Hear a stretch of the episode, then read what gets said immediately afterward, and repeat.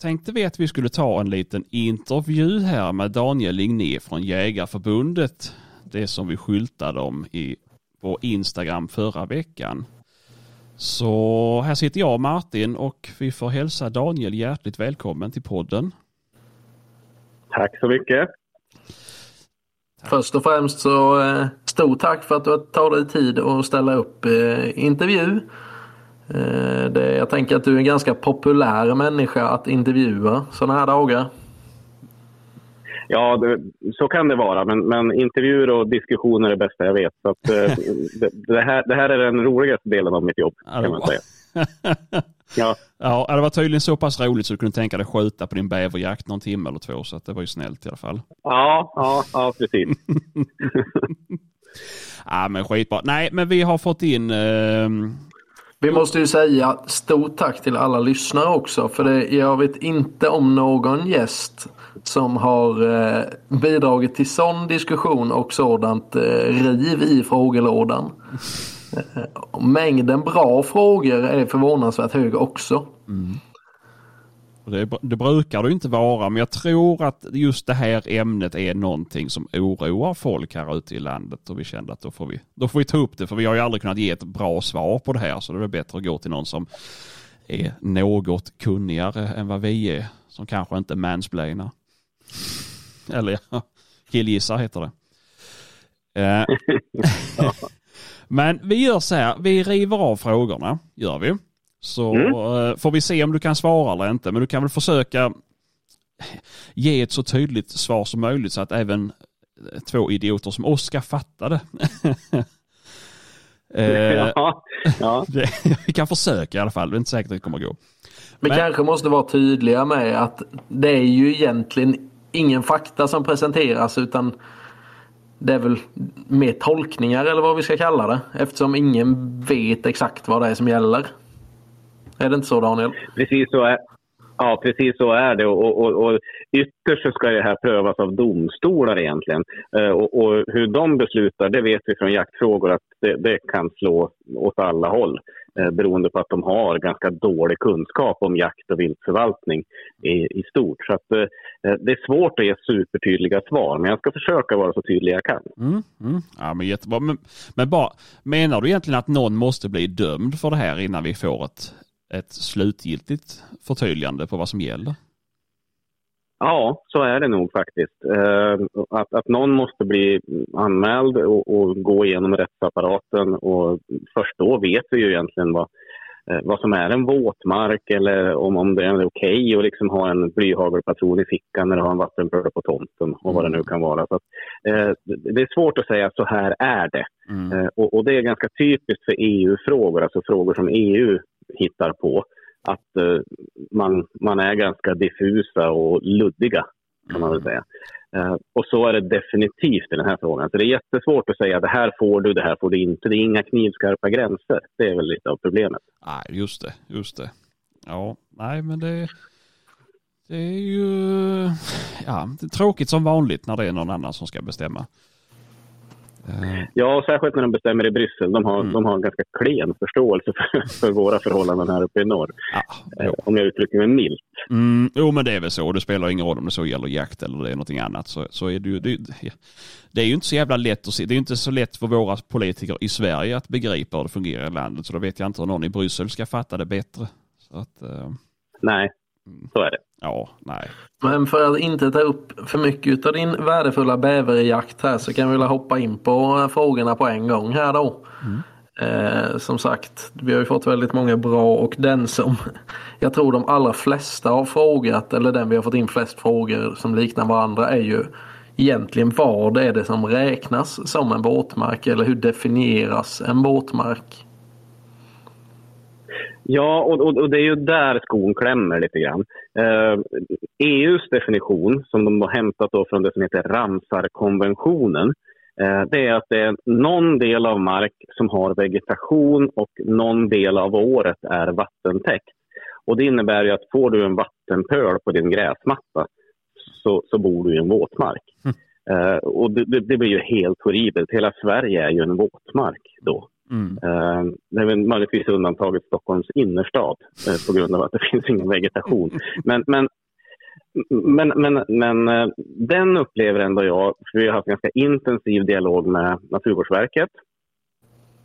och, och de kommer att göra en karta över Sverige med vad de bedömer är våtmark. Och sen är det då 100 meter ifrån den här våtmarken så får man inte skjuta med, med blyhagel. Eh, så att eh, i, den kartan tror jag kommer i sommar eh, och eh, jag tror och hoppas att Naturvårdsverket är pragmatiska. Vi har fört en ganska intensiv dialog med dem om att nu, nu måste ni vara tydliga här. Mm. Vad, vad, är våtmarker i era ögon? Så att jag tror att ha en vattenpöl på sin tomt, en pool eller gå i vanlig svensk skog, eh, det kommer att vara helt okej. Okay. Mm. utan jag, jag, tror att, att efter min dialog med Naturvårdsverket och vår dialog med Naturvårdsverket så kommer man att vara ganska pragmatisk. Att, ja, men, men jag tror det att, att det som vi jägare definierar som våtmark, alltså myrar eh, i norr, träsk i söder. Eh, det, det kommer nog att dyka upp på den här kartan som no bly zone. Mm. Men, men i övrigt så tror jag man kommer att vara ganska pragmatisk. Mm. Det har ju florerat lite det här. Jag vet inte om det var, nu vill, om jag minns rätt nu så var det väl via Jägarförbundets hemsida där det kommunicerades ut i en kommentar att Eh, man ska se det som så att om änder födosöker på den platsen så ska det räknas som en våtmark. Eh, finns det någon substans i det alls eller hur? Du som ändå har jo, varit med och fört en dialog där... liksom. Ja, men det är därför det här förbudet har kommit till. Att, att änder behöver ju picka i sig grus egentligen för att ha i krävan och, och så att säga processa födan. Mm. Eh, och, och, om de då tar ett blyhagel som ett gruskorn så blir det inte bra. Eh, och, och, och, det är det man vill komma åt. Och därför är jag också rätt övertygad om att man, om man skulle få nu en rättsprocess eh, där man har skjutit blyhagel någonstans eh, så, så skjuter man det över en, en tät vass med, med Eh, ett vatten, vattendjup på 50, 60, 70 centimeter, ja, då har man nog gjort fel. Mm. Men det har man faktiskt gjort i 20 års tid, för vi har haft ett blyhagelförbud i Sverige för att, att, att jaga med blyhagel i våtmarker eh, nästan 20 år. Så att eh, egentligen så tror jag inte att det här är så mycket nytt e egentligen. Utan jag tror, jägare brukar vara jäkligt sunt tänkande människor. Eh, och jag tror att, att eh, det vi menar med våtmark, de allra flesta av oss, det är det man kommer liksom att, att ja, i en eventuell rättsprocess hantera. Ja, just det, just det. Jo, för det är ju, det är ju sant som du säger ju. Det, är ju, det har ju varit så länge. Med, just, så lö lösningen är ju egentligen då att skjuta bort alla änder? Nej, det tycker jag inte vi ska göra. Eh, men, men alltså, det, det, känns som att det här har blivit väldigt dramatiskt. Jag tror inte att det är särskilt dramatiskt. Och, och en annan aspekt på det här, jag har fått jättemånga av mina vänner, eh, medlemmar som har hört av sig och de törs liksom inte åka bil med blyhagel i fickan. För de blir stoppade av polisen och visiterade och så står de nära en vattenpöl och så åker de dit. Och så kommer det absolut inte att bli. För det första är det här inte en polisfråga överhuvudtaget. Utan det är, det är kommunerna och kommunernas miljöenhet som har ansvaret eller tillsynsansvaret för det här. Så att polisen har ingenting med det här att göra och kommunerna har heller ingen rätt att visitera folk. Det är inte så att det kommer en kommunal tjänsteman och stoppar dig på torget i byn eh, och, och, börjar rensa dina fickor. Eh, så att eh, jag tror det här är ganska odramatiskt om jag ska vara ärlig. Mm -hmm. ja. ja. men precis, men där, och där, där svarar du egentligen på vår nästa fråga där vem eller hur kommer detta kontrolleras av?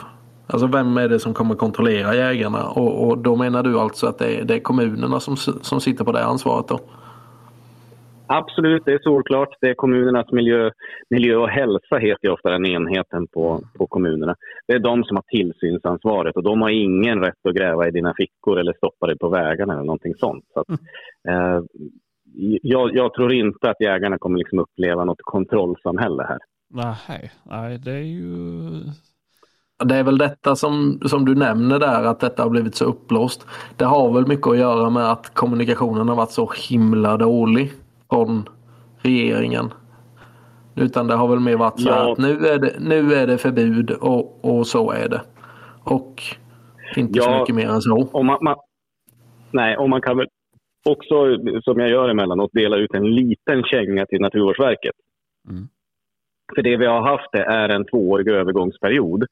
Eh, så det, här kommer inte som en blixt från klar himmel utan beslutet togs redan 2020. Uh, och sen har vi haft en övergångsperiod för att anpassa oss. Uh, och, och, så den här kartan jag beskrev tidigare, men vad, vad definierar vi som våtmark?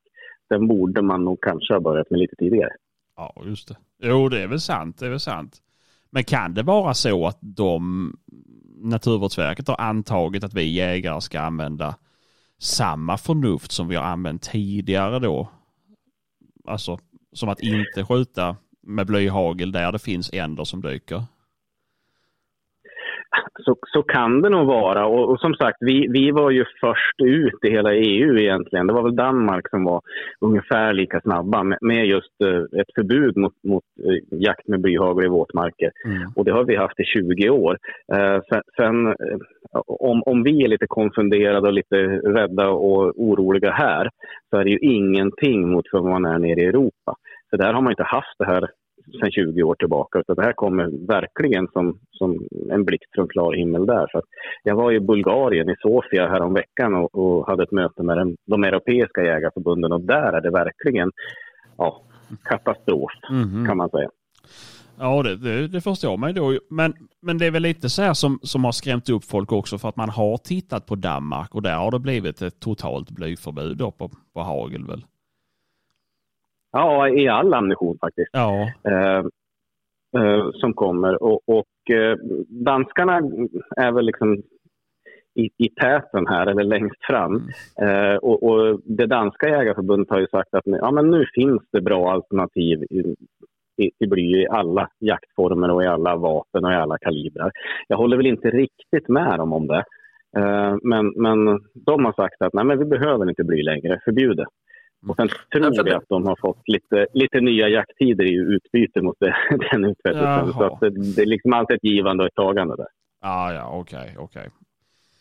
Och det är ju också en stor eh, skara människor som vi har fått in här nu som undrar liksom Finns det verkligen substitut till blyhagel som fungerar i gamla vapen, som fungerar vid kustjakt eller som fungerar vid grytjakt som inte liksom det blir rikoschett meter eller det är inte tungsten som inte går att använda i gamla vapen eller, eller den delen liksom.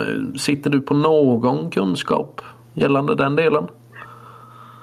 Ja, kanske. Eh, det här skulle jag kunna hålla en föreläsning i två timmar om, så jag ska försöka hålla mig kort. Eh, alltså tar vi gamla hagelvapen, så de allra, allra flesta eh, går att använda trots att de då inte har den här franska liljan som, som, som, garanterar att de klarar ett visst gastryck i, i hagelpatronen. Eh, öppnar man trångborrningen på dem eh, och, och, kör typ cylinder halv eller någonting sånt mm. så går de alldeles utmärkt att skjuta stålhagel i. Eh, och eh, det börjar också finnas olika typer av stålhagel. Eh, det finns de som, som ofta då kallas för high performance som är väldigt tungt laddade. Mm. De ska man inte skjuta i gamla vapen. Eh, men, men eh, har man liksom inte damaskpipor och eh, hanar på sin hagelbössa så, så klarar faktiskt de allra flesta stålhagel av normalladdning om man säger så. Särskilt om man öppnar trångborrningen. Och att öppna trångborrningen är inte dåligt av flera skäl. Vi har ofta väldigt hårt trångborrade vapen i Sverige. Jo, men såklart. Eh, ja, precis. Mm. Eh, så att det tror jag vi löser för de allra flesta. Eh, sen rikoschettrisken, ja, den finns absolut. Särskilt vid kustjakt skulle jag säga. Jag jagar mycket mink i skärgården till exempel eh, och, och, har använt stålhagel. Och när det börjar gnistra och, och slå lite eldslågor, höll jag på att säga, eh, eller åtminstone gnistra, eh, då, då, blir man tveksam. Särskilt när man jagar med hund, som mm. jag gör. Eh, så att där skulle nog jag inte använda stålhagel utan jag, jag använder vismut och bismut och, och, det finns lite olika varianter. Eh, problemet med den ammunitionen är ju att den är dyr. Mm. Eh, men det finns också en ganska snabb utveckling i ammunitionsindustrin på att, att jobba med framförallt tenn mm. som är inte helt olikt bly i, i, i sin, ja, sitt uppträdande eller hur den hur den fungerar. Så eh, det går ganska snabbt nu i, bland ammunitionsindustrin att utveckla alternativ. Eh, och, och, vi är nog också lite skadade i Sverige av, av de första stålhagelpatronerna eh, som kom till Sverige som man började jaga med. Det var liksom det som resten av Europa inte ville ha. Mm -hmm. Och jag vet, jag, jag, jag jagar också mycket änder och gäss. Mm. Och de liksom ruskade på sig av de första mm. patrullerna man sköt och sen flög de vidare. Eh, så vi, vi, fick liksom de, det sämsta av det sämsta. Mm. Så att många har nog dåliga erfarenheter av, av de första patronerna man fick som inte var bra helt enkelt. Nu börjar stålhagel patronerna vara riktigt bra. Jag jagar själv mycket med stålhagel och det, jag tycker det funkar hjälpligt i alla fall. Mm. Eh, fortsätter man med hagel så är ju det jag ser det stora problemet det är ju egentligen då jakt stigskyttet, alltså där du skjuter på plåtmål. Eh, för då kan du få tillbaka en, en svärm i knät. Mm. Eh, så att där, där behöver man hitta nya vägar och nya lösningar. Eh, och jag ser också att eh, eh, jag tror det var en, en debattartikel i Expressen häromdagen ifrån skidskyttarna som, som heller inte då hittar några bra alternativ i 22 lång. Eh, så det är en kaliber där vi, ja det finns inga bra alternativ idag. Vi har prövat massor av saker som har kommit ut på marknaden men, men eh, de tumlar helt enkelt. Alltså de, de kulorna går inte rakt, de piper iväg i ändra riktningen. Eh, så 22 lång kommer att vara ett problem. Även 222 och 22 Hornet kommer att vara problem. För där, där finns det inga riktigt bra alternativ. Den stora snackisen har ju egentligen varit 6,5 vår nationalkaliber. Mm. Eh, men där kommer ju Naturvårdsverket då i sommar att sänka kraven för klass 1. Så att eh, de, de, alternativ som finns på marknaden för 6,5 med, med kopparkulor kommer att bli godkända för klass 1. Så att den frågan har vi nog löst. Eh, men som sagt, 22 lång, jaktstigsskyttet och gamla vapen, där, där har vi problem. Mm. Mm. Ja, för du nämnde ju det här med att man ska borra upp en del gamla vapen då. Men vem är det som ska stå för den notan då? Ja, tyvärr så är det nog ägaren som kommer att få stå för den notan. Vi, vi har ju försökt eh, från tid till annan att få staten att lösa in vapen, att ha någon schablon för ja, men, det här får du för din gamla hagel och bara ställa din 6,5. Nu är 6,5 löst. Men, mm. men Eh, det har varit väldigt kalla handen. Utan det är nog jägaren själv som kommer att få stå för det, tyvärr. Ja, ja. Jag menar det är ju ändå, nu kan jag ju bara se till mig själv och mitt umgänge här, men det är ju eh, nästan varenda jägare som jag vet som jagar med hagel här nere har väl en gammal sida sida av äldre modell, en Merkel eller Husqvarna. Alla de här går ju åt peppan med höll jag på att säga. Men det är ju det är ju inte helt gratis att göra det heller menar och att man Nej, kan... sen är det väl inte jättedyrt. I alla fall billigare än att köpa en ny hagelbössa. Ja, så är det ju. Helt, det. Klart, helt klart. Men, men eh, det, ja, det, det, kommer att kosta jägaren en del om man vill liksom anpassa sig nu. Så är det. Mm. Och sen, det, det, är också en kostnadsfråga. Vill man ta liksom smällen att att borra upp sin bössa och, och köpa stålhagel till en hyfsat billig peng eller vill man då fortsätta ha den trångborrning man har och jaga med vismut eller bismut eller vad det nu kan vara. Eh, men, men oavsett vad man väljer så kommer det att bli dyrare. Det är inget snack om den saken. Nej, precis. Nej, men om vi ska kliva vidare på, på nästa fråga här då. För jag misstänker att ni inte har varit helt ensamma i den här dialogen med Naturvårdsverket. Eh, utan att det kanske är en del skogsbolag som har haft lite bryderier kring det här då. Eh, vad, vad, vad, hur, ställer de sig till det här? Ja, alltså jag är lite, jag är lite puttrig och sur här. Jag, jag börjar bli så gammal så man får vara lite gubbsur. Så här. Eh, men, men jag tycker inte de har varit en särskilt aktiv del i den här dialogen. Eh, att få stålhagel är liksom den värdefullaste delen av trädet, alltså rotstocken, den vi gör timmer av kan man väl säga, mm. eller brädor. Eh, det borde inte vara bra. Eh, men, men de har hållit sig väldigt kallsinniga i den här debatten och delvis beror det nog på att haglen tränger in väldigt kort i trädet.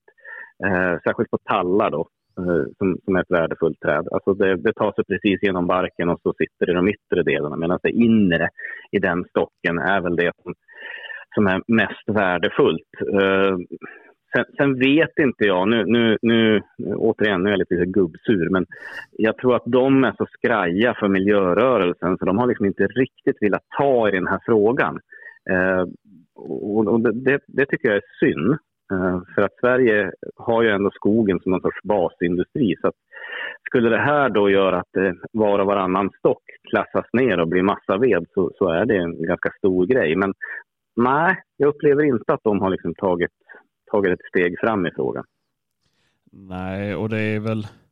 Ja, men, jag jobbar delvis på, på ett, ett sågverk då. Och där har de ju, där har jag ställt frågan hur det är i eh, hur det går till i produktionen om det skulle vara så att det kommer in massa stålhagel. Men, men de säger ju precis som du säger att det går ju inte in tillräckligt långt. Det mesta försvinner ju redan i bark, barkningsstadiet. Så att eh, ja. de har väl inte varit superoroliga för den biten. Eh, och somliga till och med Nej, och det var ju en stor diskussion. Värre. Ja, och det var ju en stor diskussion för 15-20 år sedan. Eh, just det här med, med, träd och skog och det gjordes ett antal studier då. Och, och, då tyckte jag skogsindustrin eller sågverken var, var ganska aktiva i det här. Men, men som mm. sagt, nu är de inte det. Och jag, ja, jag vet inte riktigt på vilken faktagrund de har tagit ett steg tillbaka. Men det kan vara som du säger att man, man, ja, ja. man upplever att det, det fastnar i barken eller i, i ja, de yttre delarna, bakarna. Som säger mm, mm. Precis. Ja, jag vet inte, men sen kan det vara att de inte som du säger, de kan ju också vara rädda för att våga ta ställning, eh, som du säger, mot, mot de här miljöorganisationerna. Så att eh, de är ju redan illa tilltryckta. Eftersom att de fäller ja. träd och träd är ju jätteviktigt att de ska stå kvar och bli gamla och dö. Enligt miljöorganisationen. Ja. Så att, eh. Precis. Det kan, man, det kan man ha ett eget avsnitt om. Ja, ja det kan man onekligen ha. ja. Så det, jaha. Men det kommer man, eh, det är väl också en svår, men jag har fått in en fråga. Kommer man kunna få använda bly på eftersök? Ja, alltså vi jobbar med ett antal undantag för, för, det här. Eh, och, och, kustjakten skulle kunna vara ett sådant undantag. Mm. Eh, när du jagar helt klart bland, bland bara klippor. Mm. Eh, eftersök skulle kunna vara ett sådant undantag. Eh, det finns också möjlighet för undantag på skjutbanor mm. om man ja, miljöanpassar dem. Man bygger helt enkelt ett, ja, ett, ett eh, någonting som då är täckt. För, för risken är att det regnar och att det lakar ut blyet och så kommer blyet ut i bäckar och så småningom i sjöar och så vidare. Så det, det, finns redan idag ett gäng undantag. Jag tror jag nämnde tidigare skidskyttet. Mm. Eh, där håller man också på att jobba med ett undantag. För det är liksom på, ja, det vet ju precis var kulorna hamnar och då kan man ta reda på dem eh, och återvinna eller åtminstone se till att de inte far vidare här i världen.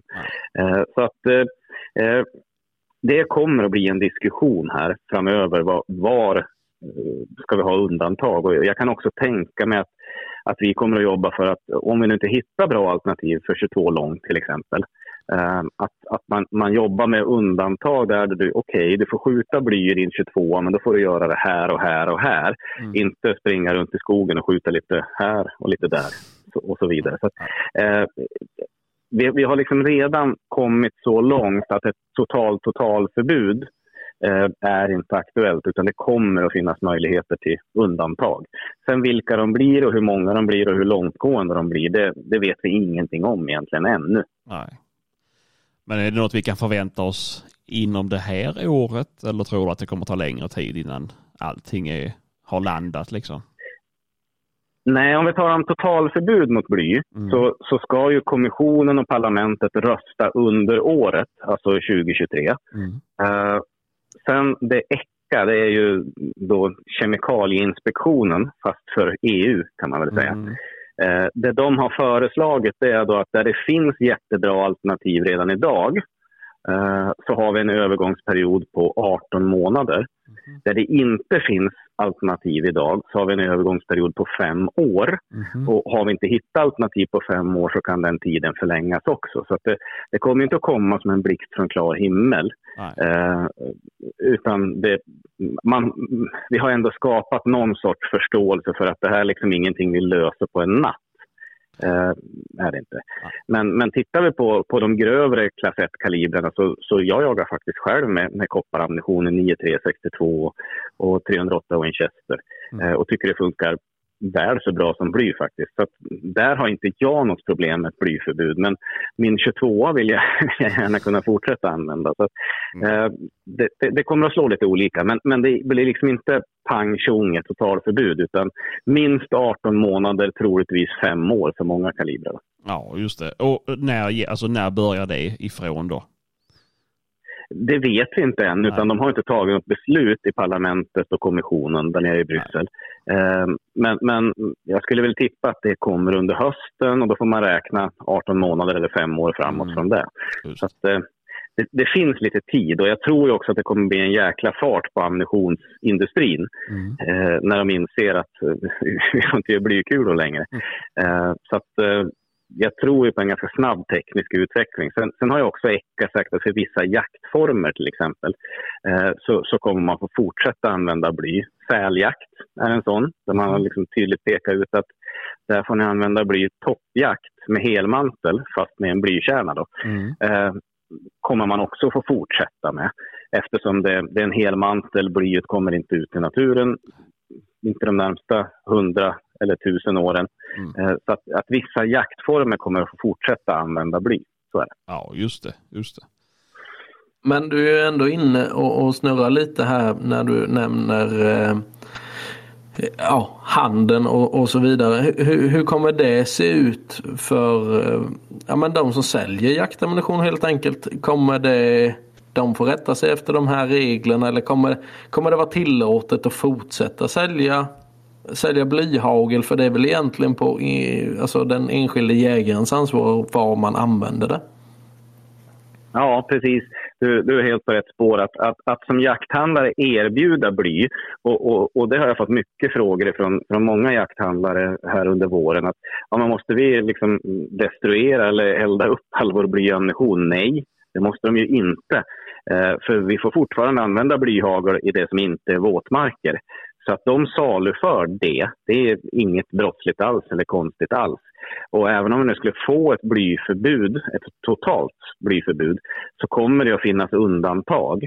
Eh, och, och, och sen ska väl inte jag säga för mycket, men, men jag tror inte särskilt många kommer att åka dit och det kommer att finnas möjligheter att fortsätta köpa blyammunition. Så har man nu en bössa som man, man tror inte fixar eh, blyhagel även om man borrar upp den eller hur man nu pysslar och donar så, så, tror inte jag att det kommer att vara helt kört att få tag på den typen av ammunition. Nu ska vi inte uppmuntra till lagbrott här men, men eh, ja, jag tror ni förstår vad jag menar. Jajamän, det kommer att finnas hjältar som, som mig då som har en, en, en brittisk bössa från 1800-talet med damaskpipor. Jag kommer ju vara tvungen att att, uh... Ja, eller min gamla Husqvarna Hanabössa till exempel. Mm. Den kanske man inte ska mata med. Med något annat. Nej, precis.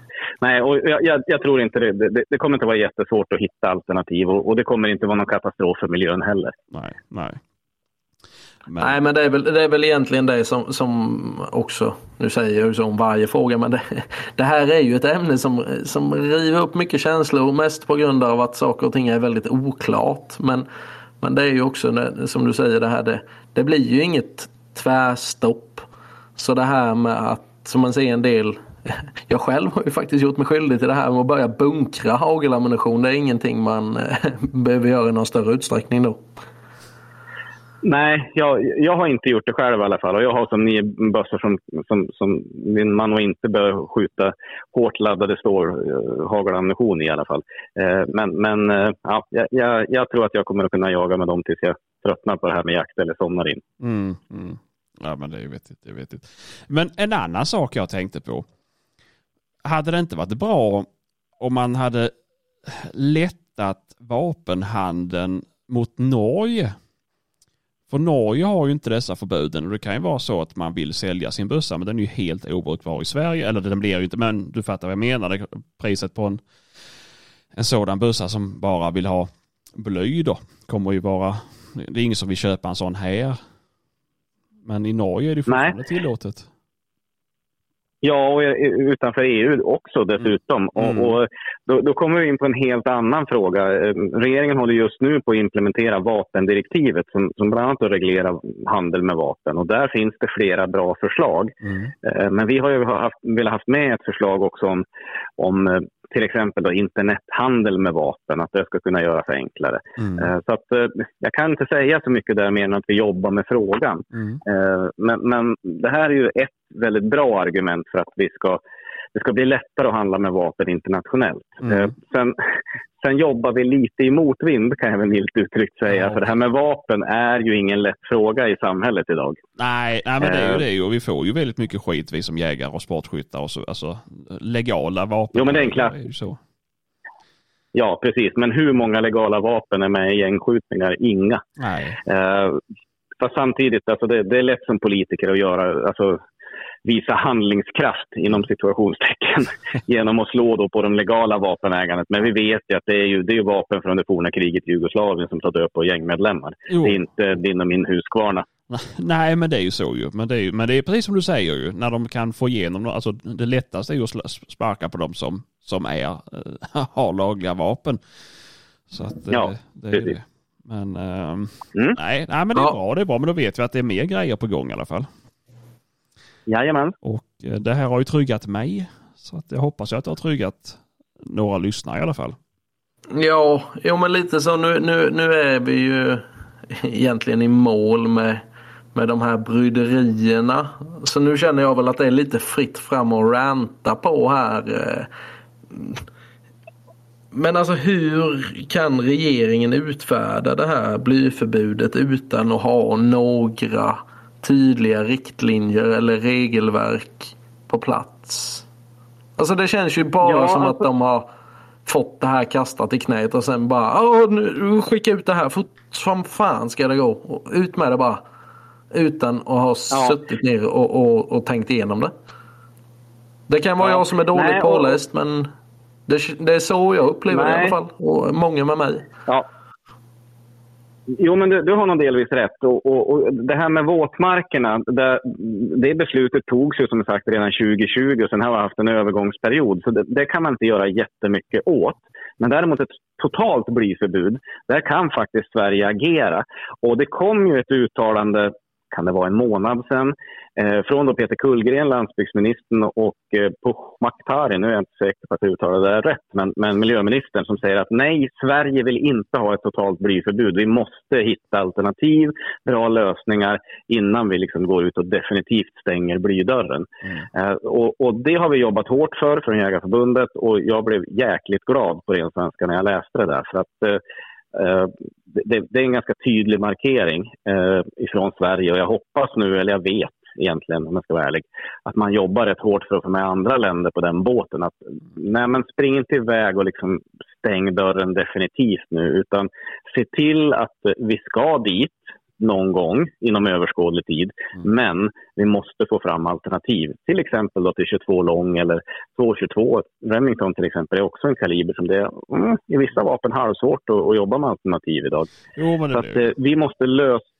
vi måste lösa det innan vi inför det totala blyförbudet.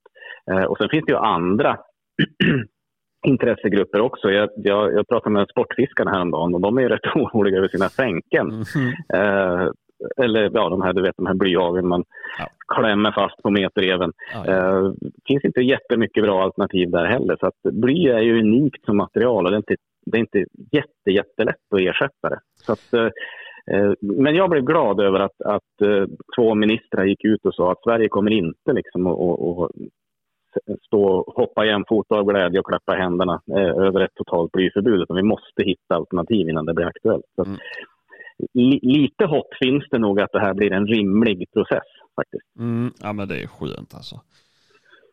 Och det är, jag säger så här, jag kan tänka mig att sluta använda blyammunition den dagen de har grävt upp varenda jävla blykabel som ligger nergrävd i Sverige. Och det är, om det är något som Ja. skadar så är det väl det då. Jo, men det är lite som vapen och, och, och de här gängskjutningarna. Att det, det, det är lätt att slå på dem man, man kan identifiera lätt. Mm. Alltså i det här fallet då, jägarna som använder blyhagel. Men det, precis som du säger, det, finns ju många tusentals mil Mm. nergrävd blykabel. Eh, det är ingen som pratar om det och, och sanering av det. Däremot så kan man slå på skjutbanan att nu måste ni sanera från bly i skjutbanorna. Exakt. Det är ju en, om jag ska vara lite vulgär, en piss i Mississippi jämfört med blykablarna. Men, men det, är tydligt att identifiera liksom, skjutbanan, den ligger där. Eh, när jag skjuter i den här vallen, sanera den. Mm. Eh, så att man, man silar mygg och sväljer kameler. Lite. Jo, men det blir ju så tyvärr alltså. Så att, eh, och de håller ju på. Ja, men om det fortsätter i det här, jo det är ju vad man ser nu, eh, hur de håller på mot skjutbanor idag.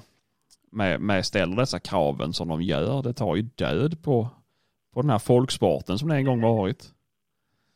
Ja, precis. Och, och det är ett stort problem. Jag är ofta nere i Bryssel och, och, och träffar makthavare av olika slag där nere. Och då, i, I den här blyprocessen så har man varit mycket i Tyskland och tittat på ja, men hur övningsskjuter man i Tyskland. Mm. Ja, I Tyskland skjuter man väldigt mycket på skjutbiografer. Mm. Eh, det vet ni vad jag menar med att Ja. man spelar upp en film på en filmduk och så står man och pangar där inne i, i en, en, en vall av gummi.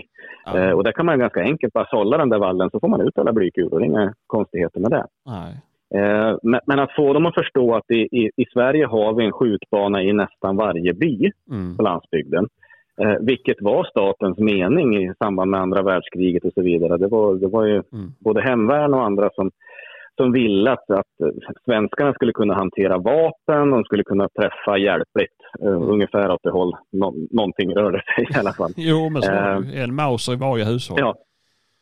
Jajamän, precis. Mm. Eh, och, och, och så har vi byggt upp det här och, och, det är det sätt vi övningsskjuter på i Sverige. Vi, vi skjuter väl en del på skjutbiografer men har vi ett tiotal i landet så tror jag, jag tror inte det är fler än så. Så att, att liksom hantera det med skjutbiografer, det går inte. Eh, ska alla skjuta brons på älgbanan så får liksom ha öppet dygnet runt, året runt och vi behöver hundra till åtminstone. Ja. Eh, Så det går ju inte, utan vi- vi har en helt annan skyttetradition, vilket jag tror är väldigt, väldigt bra. Jag tror att svenska jägare är ganska goda skyttar, Mm. just för att det, det är så låg tröskel för att åka och övningsskjuta, eller skjuta in sitt vapen eller vad det nu kan vara. Ja. Eh, Men det har man inte förstått i Bryssel. Så att jag, jag har nog varit ner- nere där en, en handfull gånger i alla fall och försökt tjata att ni kan inte bara titta på Tyskland, ni kan inte bara titta på Frankrike, utan vi här uppe i, i norra ändan, vi, vi, vi jobbar på ett lite annat sätt. Jo. jo, men så är det ju. Så är det. Och det är det som blir så fel när man jämför med någonting som har en helt annan kultur än oss ju. Alltså, Ja. det är svårt Jo, att jämföra det- Sverige med ett land som på problem. med spjut liksom. Det är ju... ja, precis. Nej, men det, det är ju ett generellt problem. Som sagt, jag är ofta nere i Bryssel och försöker förklara olika saker. Eh, och det, ja, Mm. vi, vi är lite udda här uppe i norr i deras ögon. Och de tror att det här liksom är en enda stor skog eh, utan några tamdjur. Till exempel så borde vi kunna ha 10 000 vargar, för det, det får väl plats där uppe. Eh, så att de, Jag de förstår inte med de här vargarna för då kommer vi ta den här konversationen till en väldigt otrevlig plats. Ja, nej, men jag har en liten anekdot. va. Det var faktiskt när jag var ganska ny på förbundet. Eh, så, så fick jag uppgiften att åka ner till Bryssel och berätta om vår löshundsjakt. Mhm. Eh, och det var från parlamentet och kommissionen. Det var ett väldigt välbesökt möte. Och de ville då veta hur går en ordinär svensk älgjakt till. Och på den tiden hade jag en gråhund som hette Assar.